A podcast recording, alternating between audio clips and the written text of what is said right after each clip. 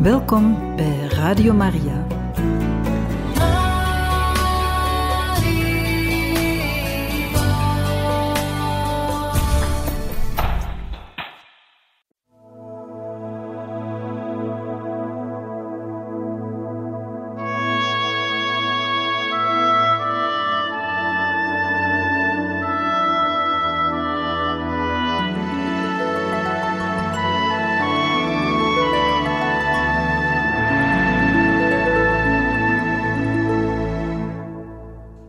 Beste luisteraars van Radio Maria. In dit programma Heilige Getuigen gaan we verder met de lezing van het boek over Johannes van het Kruis met de titel Geboren uit Gods adem en geschreven door Crisogono de Jesus. We zijn ondertussen gekomen bij het hoofdstuk 15, Geestelijk leidsman te Granada, van 1582 tot 1588 bij het onderwerp bouwheer. Aangename luistersessie. Bovendien blijft men doorgaan met verbouwingswerkzaamheden. Geleidelijk aan verandert de oude kluis, die zo klein was, in een groot klooster.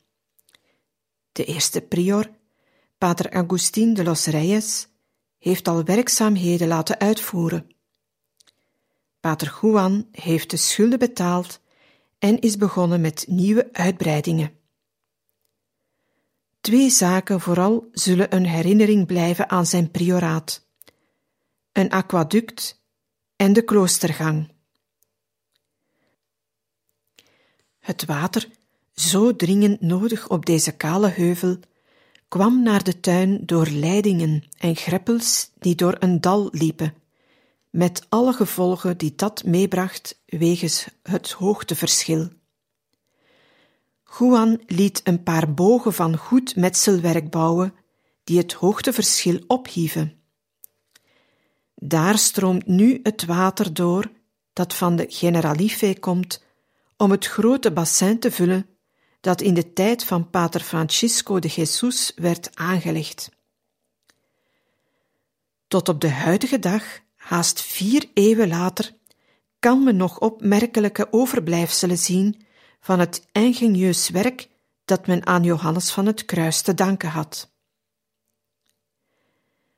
Na het aquaduct begint hij met de bouw van de kloostergang.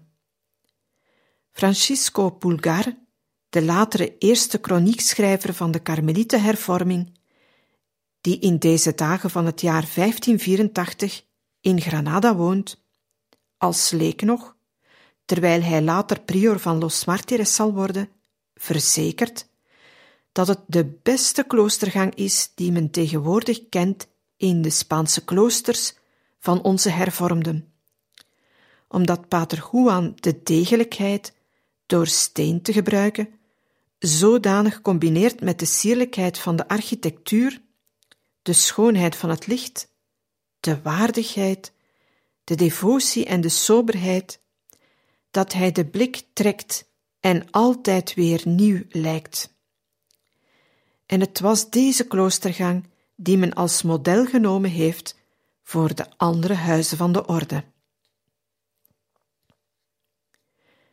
De broer van de prior, Francisco de Yepes, helpt mee aan de werkzaamheden. Wanneer en waarom is hij hierheen gekomen uit Medina del Campo, waar hij was blijven wonen. Misschien dat Juan hem geroepen heeft na de dood van hun moeder, Catalina Alvarez. Feit is dat hij nu in Granada is, waar hij ondanks zijn vijftig jaren als opperman werkt. De prior schaamt zich niet over de nederige aanwezigheid van zijn broer wanneer men hem kon bezoeken, en het doet er niet toe of het soms een eminente figuur is, haast hij zich om Francisco voor te stellen met: Dit is mijn broer, de persoon van wie ik het meeste houd in de wereld. Hij neemt hem zelfs mee naar de ongeschoeide zusters. Maria de la Cruz, een van zijn geliefdste biechtelingen, ziet hem daar. De prior werkt zelf mee met zijn broer. Hij maakt bakstenen. De gardiaan van de Franciscanen verrast hem een keer daarbij als hij op bezoek komt. Juan raakt niet het minst van zijn stuk. Zoals hij is, met zijn modderhanden en in de tuin, ontvangt hij de overste van de orde van Sint Franciscus. Het is niet de enige keer dat bezoek van illustre figuren hem zo in de tuin aantreft. Een keer komt er een vooraanstaand religieus. De prior werkt in de tuin. Het schijnt dat de bezoeker hem al meer zo heeft aangetroffen, want hij zegt hem: U bent zeker de zoon van een landbouwer, dat u zo van de tuin houdt. Dat is iets wat we bij ons nooit te zien krijgen. Ik ben dat helemaal niet, antwoordt Juan. Ik ben de zoon van een arme wever. Geschilderd terwijl hij aan het bidden is. De verering die de inwoners van Granada voor de prior van Los Martires hebben, is buitengewoon. Velen noemen hem de heilige broeder Johannes van het Kruis. Een van zijn bewonderaars krijgt het idee zijn portret te laten maken. Dat is niet zo makkelijk. Men is er zeker van dat hij er zich niet toe zal lenen. Het moet dus gebeuren zonder dat hij het merkt. Heimelijk wordt een schilder bij de arm genomen en terwijl Juan ergens in het veld aan het bidden is, observeert de schilder hem lang, om hem vervolgens te schilderen. Als Juan erover wordt ingelicht, doet hem dat veel verdriet. Maar het schilderij is gemaakt. Waarschijnlijk was het portret dat zijn bichtelinge Juana de Petraza in 1627 als een kleine gravure aan de rechters van de pauselijke inlichtingendienst liet zien, een kopie ervan. Wat is ervan geworden? Zou het het schilderij zijn dat de monialen van Granada in bezit hebben? Pater Juan is erop afgebeeld op de knieën, het gelaat en de samengevouwen handen omhoog geheven. Zijn witte mantel steekt af tegen de bergachtige achtergrond van het landschap. Ongetwijfeld de eerste uitlopers van de Sierra Nevada. Zijn kleine en ovale gelaat vertoont een heel speciale uitdrukking van zachtheid. Hij heeft een arendsneus, mooi gebogen wenkbrauwen, holle ogen, het hoge voorhoofd uitlopend in echte kaalhoofdigheid. Hoewel hij geknield is, ziet men goed dat het om een lichaamsgestalte gaat die tussen middelmatig en klein ligt.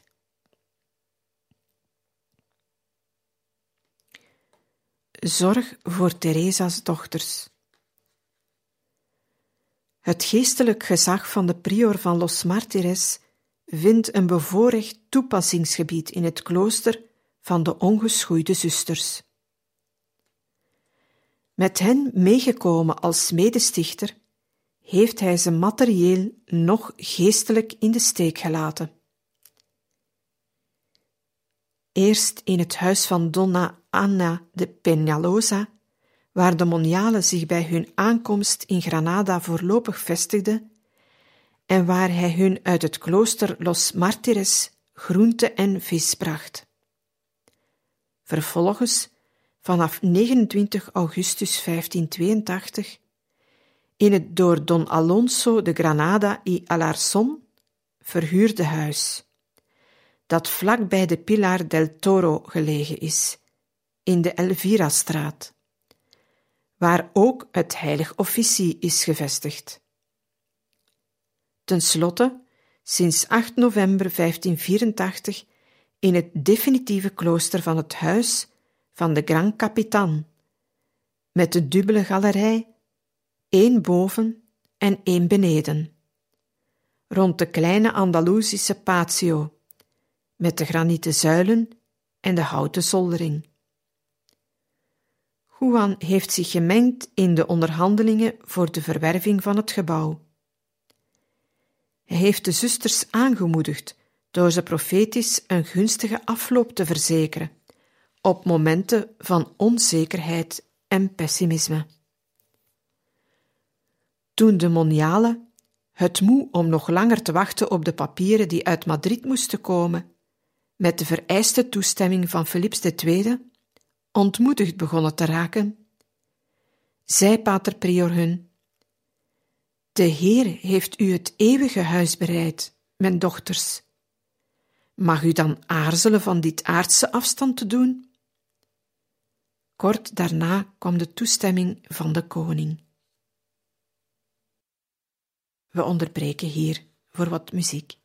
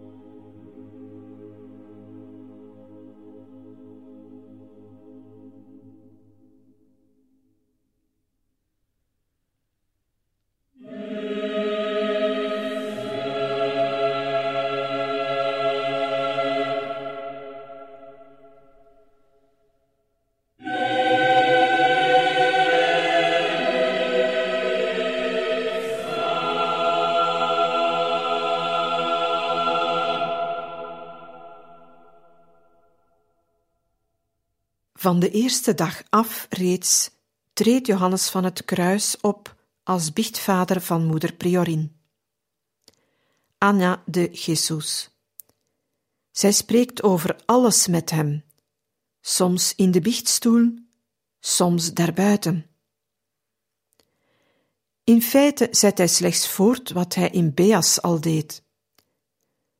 Toen de karmelitessen nog in het huis van Dona Anna de Peñalosa waren, dus voor 29 augustus 1582, maakte moeder Anna zich zorgen over het tekort aan hulp dat de communiteit ondervond om de stichting te vestigen. Zij hoorde innerlijk deze woorden uit Psalm 91. Scapulis suis obum bravit tibi et sum pennis eius perabis. Hij zal u met zijn vleugels beschermen, onder zijn wieken vindt gij een toevlucht. Zij haastte zich het mede te delen aan haar biechtvader Johannes van het Kruis en aan de Jezuïet magister Juan Bautista de Ribera. Evenals de priorin laten alle zusters zich leiden door de prior van Los Martires.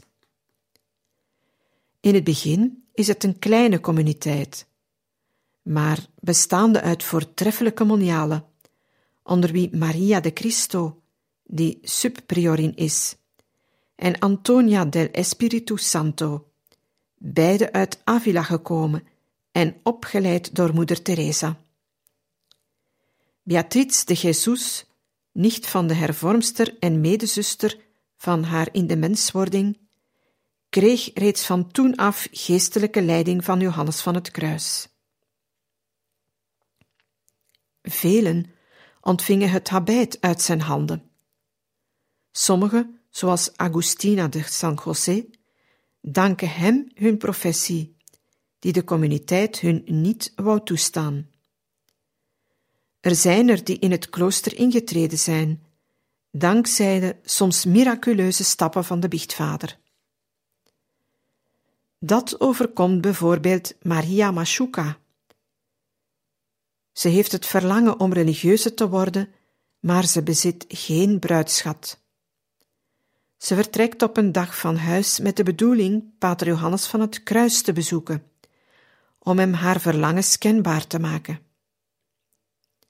Haar nicht Maria, die later ook in het klooster zal treden, zegt haar dat Pater Juan op dat moment in de kerk van de Moniale is.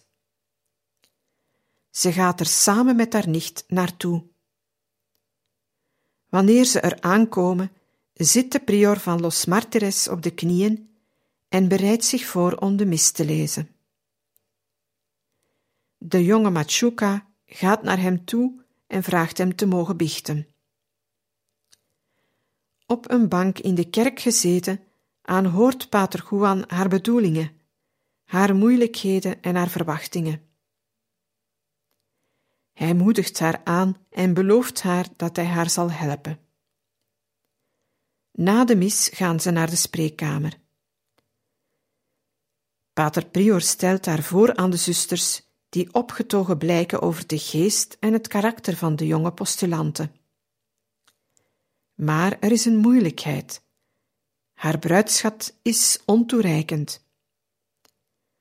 Ana de Jesus, de priorin, maakt een afwijzend gebaar. Onder die omstandigheden is het niet mogelijk haar toe te laten, want het klooster heeft onvoldoende middelen. Pijnlijk getroffen antwoordt Johannes van het Kruis snel. En de verlangens van die ziel, moeder, moeten die verloren gaan? Kort daarna geeft Johannes van het Kruis zelf het abijt aan de jonge Machuca, die Maria de la Cruz zal gaan heten. Er is zelfs een religieuze die door de hand van Pater Juan het slot is binnengeleid. Isabel de la Encarnación. Als meisje van de hogere stand in Granada heeft ze een vreselijke strijd moeten leveren tegen haar familie, die haar wilde uithuwelijken. Toen alles tenslotte opgelost was en het meisje naar de kerk van de ongeschoeide zusters was gekomen om in het klooster te treden, deden plotselinge heel sterke twijfels aan haar roeping haar aarzelen. Juan is gekomen om haar het daarbij te geven. Hij bidt voor haar, hoort haar biecht, geeft haar de communie en leidt haar, nadat hij haar bij de hand genomen heeft, naar de slotdeur. Hij verzekert haar dat de angsten zullen verdwijnen zodra zij de drempel van het klooster over is. En zo gebeurde het ook. Isabel de la Encarnación zal een van de geestdriftigste zusters zijn wat de prior van Los Martires aangaat. Zij was de moniale die zijn portret liet maken. Pater Juan gaat heel vaak naar het klooster van de ongeschoeide karmelitessen.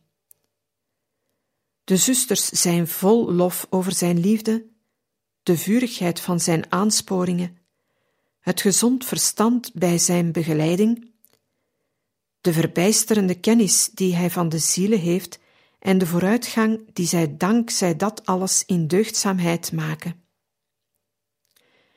Agustina de San José acht zich maar zwak in haar deugdzaamheid naast haar medezusters. Ze voelt zelfs haar roeping wankelen. Doch alleen maar door Pater Juan te zien en hem over geestelijke zaken te horen spreken, voelt ze zich zo vurig worden dat het haar lijkt of haar hart uit haar borst zal komen, soms door haar vurige verlangens om God te dienen, soms uit verdriet, want ze denkt dat zij God niet welgevallig is. Die doeltreffendheid van de aanwezigheid en de woorden van de Heilige worden toegeschreven aan de levendige liefde tot God, die Hij in zijn hart heeft en die aanstekelijk werkt op allen die zich in Zijn nabijheid bevinden. We onderbreken u voor wat muziek.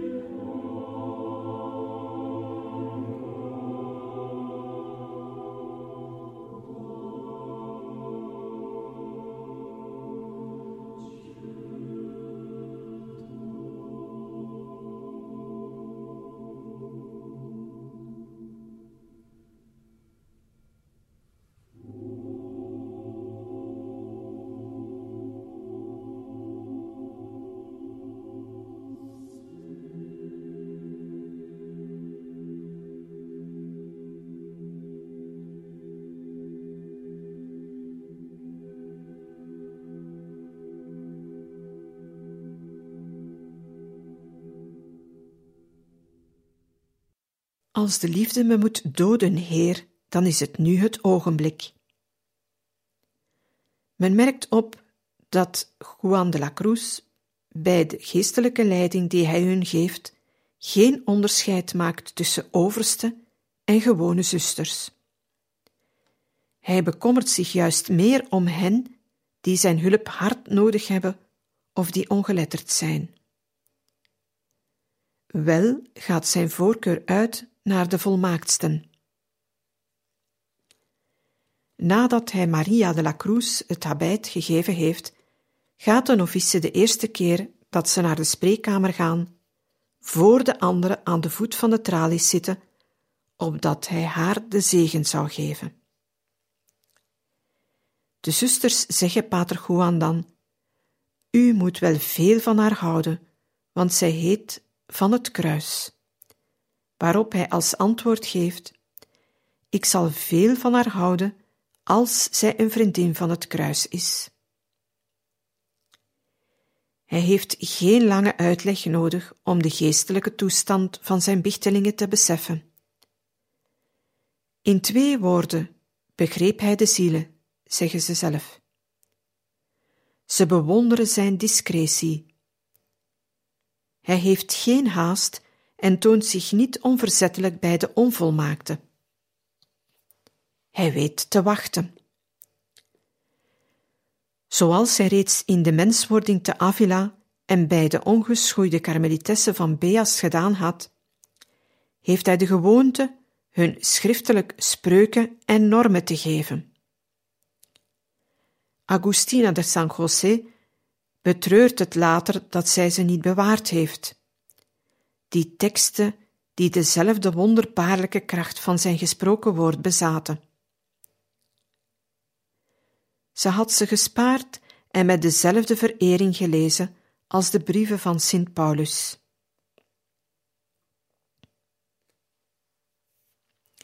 De werkwijze die hij volgt bij zijn geestelijk onderricht is zijn klassieke manier van de zelfverloochening. Hij scherpt die mondeling met dezelfde aandrang en dezelfde beslistheid in als in zijn boeken en hij oefent de religieuze in de verfijnste verstervingen. Als op zekere aswoensdag allen de communie verwachten, laat pater Juan na die uit te reiken. Vandaag is het een dag, zo zegt hij hun, die men in de as moet doorbrengen, zich toeleggend op de zelfkennis en de zusters wijden zich ootmoedig aan het overwegen van hun eigen ellende. Francisca de la Madre de Dios heeft hem, toen ze zelf aan de tralies van het koor stond, verrast terwijl hij in de kerk voor het tabernakel geknield lag met het gelaat tegen de grond. Hij blijft geruime tijd in die houding, en als hij opstaat en naar de biechtstoel gaat, straalt de blijdschap van zijn gezicht. Zuster Francisca vraagt hem wat hem zo blij gemaakt heeft. Moet ik niet blij zijn, antwoordt Juan, als ik mijn Heer aanbeden en gezien heb? En met de handen voor de borst gevouwen roept hij uit: O, wat hebben we een goede God! Maria de la Cruz die het habit uit zijn handen heeft ontvangen, merkt op dat pater Juan dikwijls de mis van de drie-eenheid leest. Ze vraagt hem: Hoe komt het dat u zo dikwijls de mis van de Allerheiligste Drie-eenheid leest?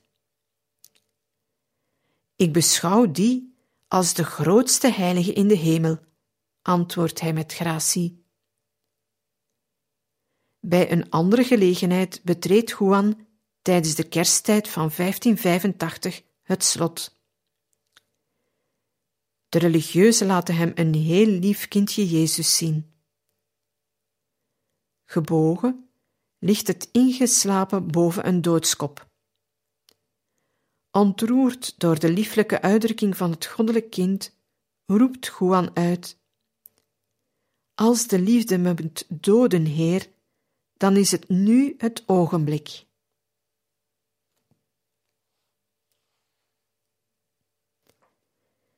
Ze vereren hem als een heilig verklaarde.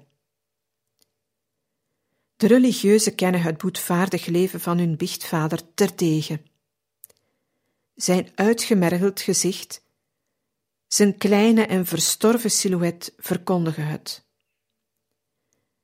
Ze weten dat hij, wanneer hij blijft voor de maaltijd, genoegen neemt met maar heel weinig en weigert zich te laten vertroetelen. Maria de la Cruz, die de maaltijd voor hem opdient, kan, wanneer hij ziek is, alleen maar wat schapenvlees aan hem kwijt. Maar hij let erop dat zij niets tekort komen. Hij stelt er zich niet mee tevreden zich enkel geestelijk om hen te bekommeren. Vaak stuurt hij hun de maaltijden van zijn klooster, vooral groenten en vis. De zusters geven als commentaar: Mogen God het onze pater vergelden. Omdat hij heilig is, stuurt God het hem voor zijn klooster en voor het onze. Behalve de volmaakte deugd die zij bij hem waarnemen en bewonderen, gebeuren er buitengewone feiten die de verering van de religieuze voor hun biechtvader ten top voeren. Ze zijn ervan overtuigd dat hij tot het diepst van hun hart doordringt. Ze weten dat God hem hun zielstoestand onthult. Ze denken zelfs dat hij vanuit de teruggetrokkenheid van Los Martires ziet wat zij in hun klooster doen. Agustina de San José staat op het punt haar professie te doen. Maar er reizen serieuze moeilijkheden die de monialen doen twijfelen en het gevaar inhouden dat zij de novice haar gelofte zullen weigeren. De priorin stuurt een boodschapper met een briefje naar het klooster Los Martires. Ze vraagt pater Juan zo vriendelijk te zijn naar het klooster van de ongeschoeide te komen.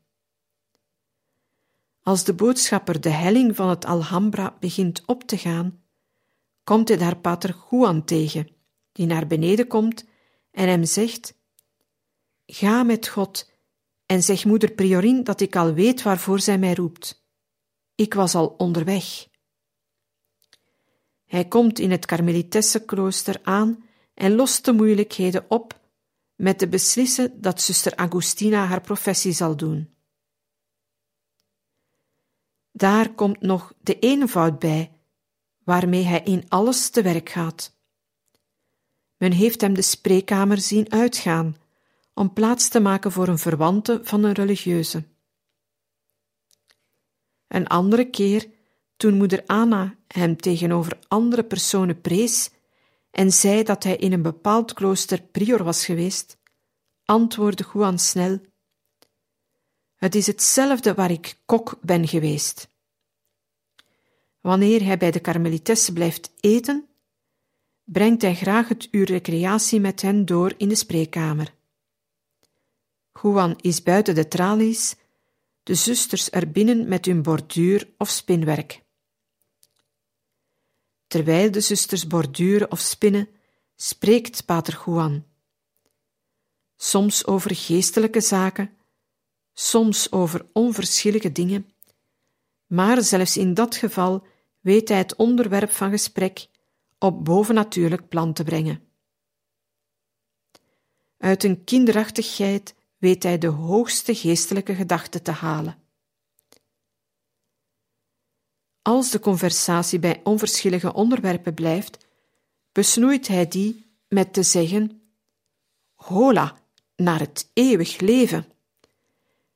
En alle keren een ogenblik in zichzelf, terwijl hij met de ogen ten hemel geslagen in vervoering blijft.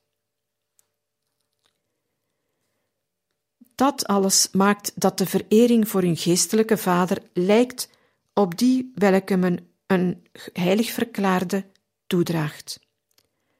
Wanneer hij het slot binnengaat, zijn er zusters die zich op de knieën werpen voor hem, die hem de hand en de voeten kussen, zoals Isabel de la Encarnación. Andere keren betwisten zij elkaar wat er van zijn maaltijd is overgebleven.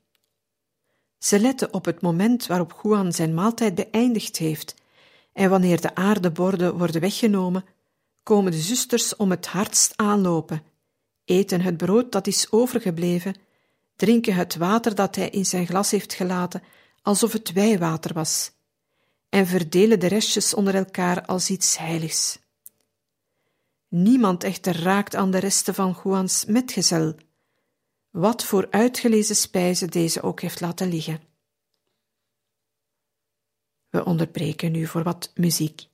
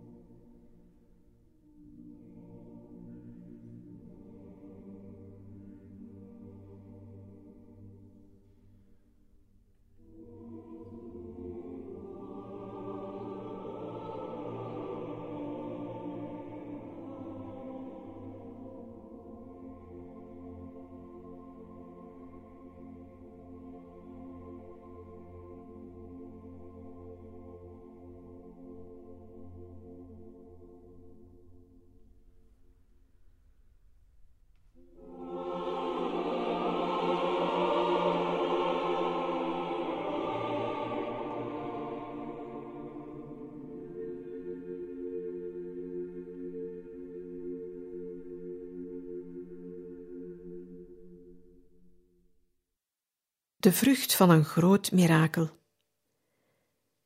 Tijdens dat gaan en komen tussen het klooster Los Martires en de Karmelitessen gebeurt er een keer iets onaangenaams dat Juan lachend opneemt.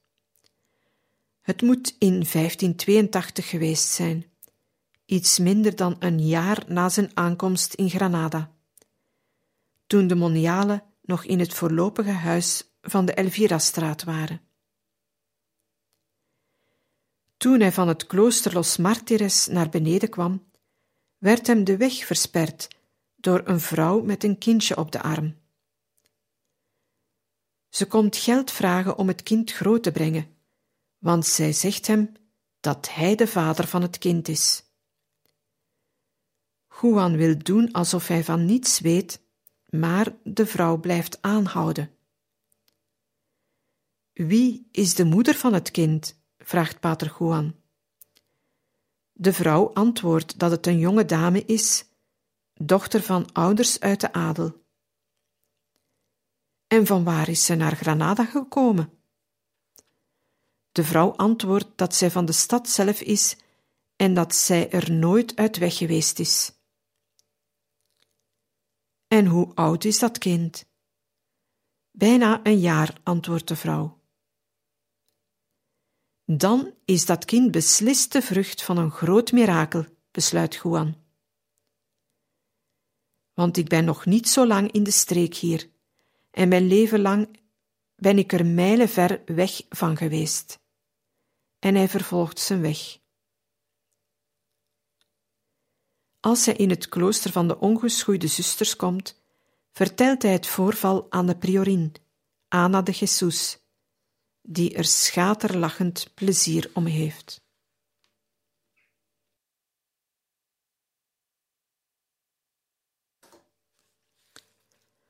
Hoofdstuk 16 De geschriften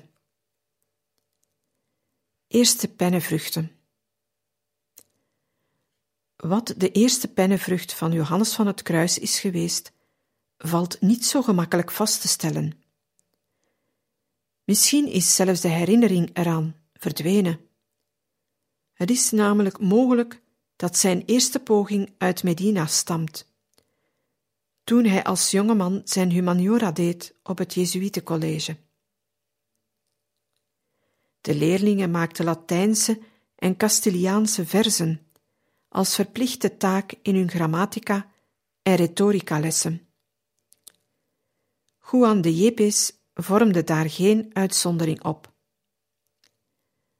Pater Bonifacio, een leraar van hem, spreekt over een door zijn leerlingen geschreven komedie die de geschiedenis van Absalom in strijd met zijn vader David voorstelde. De studenten schreven dit stuk als slot van een oefening rond het midden van het schooljaar. Het was zo'n goed stuk dat de mensen die de voorstelling bijwoonden, niet wilden geloven dat het door de studenten geschreven was. Het is niet onwaarschijnlijk dat het talent van Juan de Yepes daarmee te maken heeft. In ieder geval dateren zijn onherroepelijk verloren gegane eerste literaire pogingen uit die periode. De eerste poging waarvan het bestaan met zekerheid bekend is, dateert uit het jaar van zijn noviciaat in het Santa Anna-klooster te Medina del Campo. Juan was toen 21 jaar. Het waren verzen in episch pastorale stijl, zeer nauw aansluitend dus bij het retorica-klimaat van de jaren die hij nog pas geleden op het Jezuïetencollege had doorgebracht. Pater Velasco verzekert dat Juan deze verse vervolgens van een scherpzinnig commentaar voorzag. Deze verzen uit Medina werden geschreven uit dankbaarheid voor de genade die de Heer hem geschonken had, door hem waardig te maken in genoemde Karmelietenorde te zijn, onder bescherming van zijn allerheiligste moeder. Deze jeugdcompositie van de heilige is jammer genoeg verloren gegaan. De tweede pennenvrucht dateert uit zijn studentenjaren aan de Universiteit van Salamanca. Met zekerheid schreef hij daar een toespraak over de contemplatie. Zijn medestudenten kwalificeerden die toespraak als uitstekend. Maar ook dat geschrift is verloren gegaan. Als loutere veronderstelling, maar met een hoge mate van waarschijnlijkheid, ondanks het ontbreken van precieze gegevens, kan als een literaire poging van de heilige gewezen worden op de redactie van de eerste constituties van de ongeschoeide paters. Dit gebeurde in Durwello. Het schijnt dat ze voornamelijk het werk waren van pater Antonio de Jesus als overste van het huis, maar het valt niet aan te nemen dat hij daarbij volledig abstractie gemaakt heeft van pater Juan de la Cruz, die, hoe pijnlijk het voor de eerbiedwaardige grijsaard ook was, de echte hervormer van de Karmelietenorde was. Beste luisteraars, we zijn voor vandaag weer aan het einde gekomen van deze lezing uit het boek over Johannes van het Kruis en gaan volgende keer verder met het hoofdstuk 16, de geschriften, bij het onderwerp losse briefjes en het vegamen. We hopen dat u deugd heeft gedaan en wensen u nog een fijne avond. Tot een volgende keer.